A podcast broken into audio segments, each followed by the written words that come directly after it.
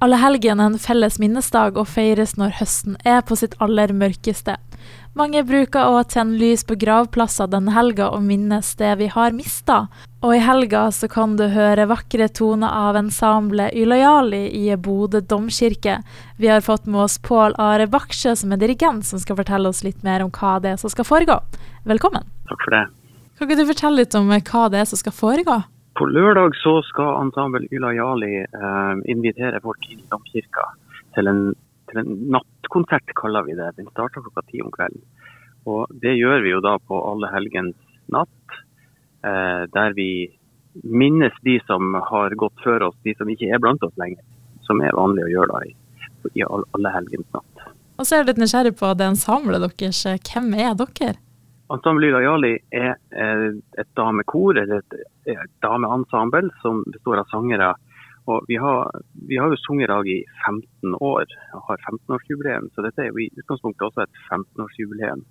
Um, og det her er jo da ambisiøse sangere, flinke sangere, som har vært med på konkurranser, og vunnet priser og gjort sånt uh, over flere år. da.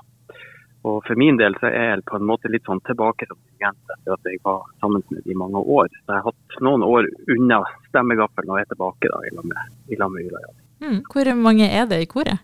Eh, Ylajali er vanligvis mellom 16 og, og 18 stykk.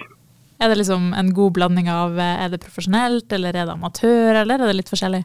Dette er jo veldig flinke amatører. Du kan si at eh, Vi er jo en av de veldig få korene i Norge som er definert eh, som semiprofesjonell eh, gjennom eh, altså der man får penger til drifta, kan si. Så, så vi og, og to-tre andre damekor i Norge har bevilgninger for å være såkalt semiprofesjonelle. Det vil si at det er helt vanlige folk som har vanlige jobber, men som bruker mye tid og, og holder et ganske høyt nivå. Og så For å gå tilbake til denne allehelgensnatta som skal foregå i Bodø domkirke, så lurer jeg litt på hvorfor dere ønsker å delta på dette, og spesielt det temaet og døden og reisen videre som kanskje kan være litt vanskelig for folk å snakke om? Nei, altså, for å si det sånn, så starta det her som, en, som et 15-årsjubileum. Og, når jeg møtte Ylajali igjen i vår, så, så var oppdraget rett og slett å lage en jubileumskonsert. Og når man tenker jubileum, så tenker man ofte pomp og prakt. og ja, mye lyd og tjo og hei. Eh, men så snudde vi det helt motsatt. Um, og så tenkte vi at nå skal vi lage en konsert som er stille, intim, personlig. Um, og det blir ikke stor lysrigg og mye lyd. Her blir det levende lys. og Bodø domkirke er jo et fantastisk rom i seg sjøl. Og så har vi på en måte fokus da på den årstida vi er på, på vei inn i, og, og tematikken eh, i allhelgensnatta. Natta. og minnes de døde. Vi, det er jo vanlig at folk tenner lys på gravene, f.eks. Så, så det blir en veldig stillferdig konsert. Og så har vi et, et såkalt rekviem, en dødsmesse vi skal gjøre, av Gabriel Fauré.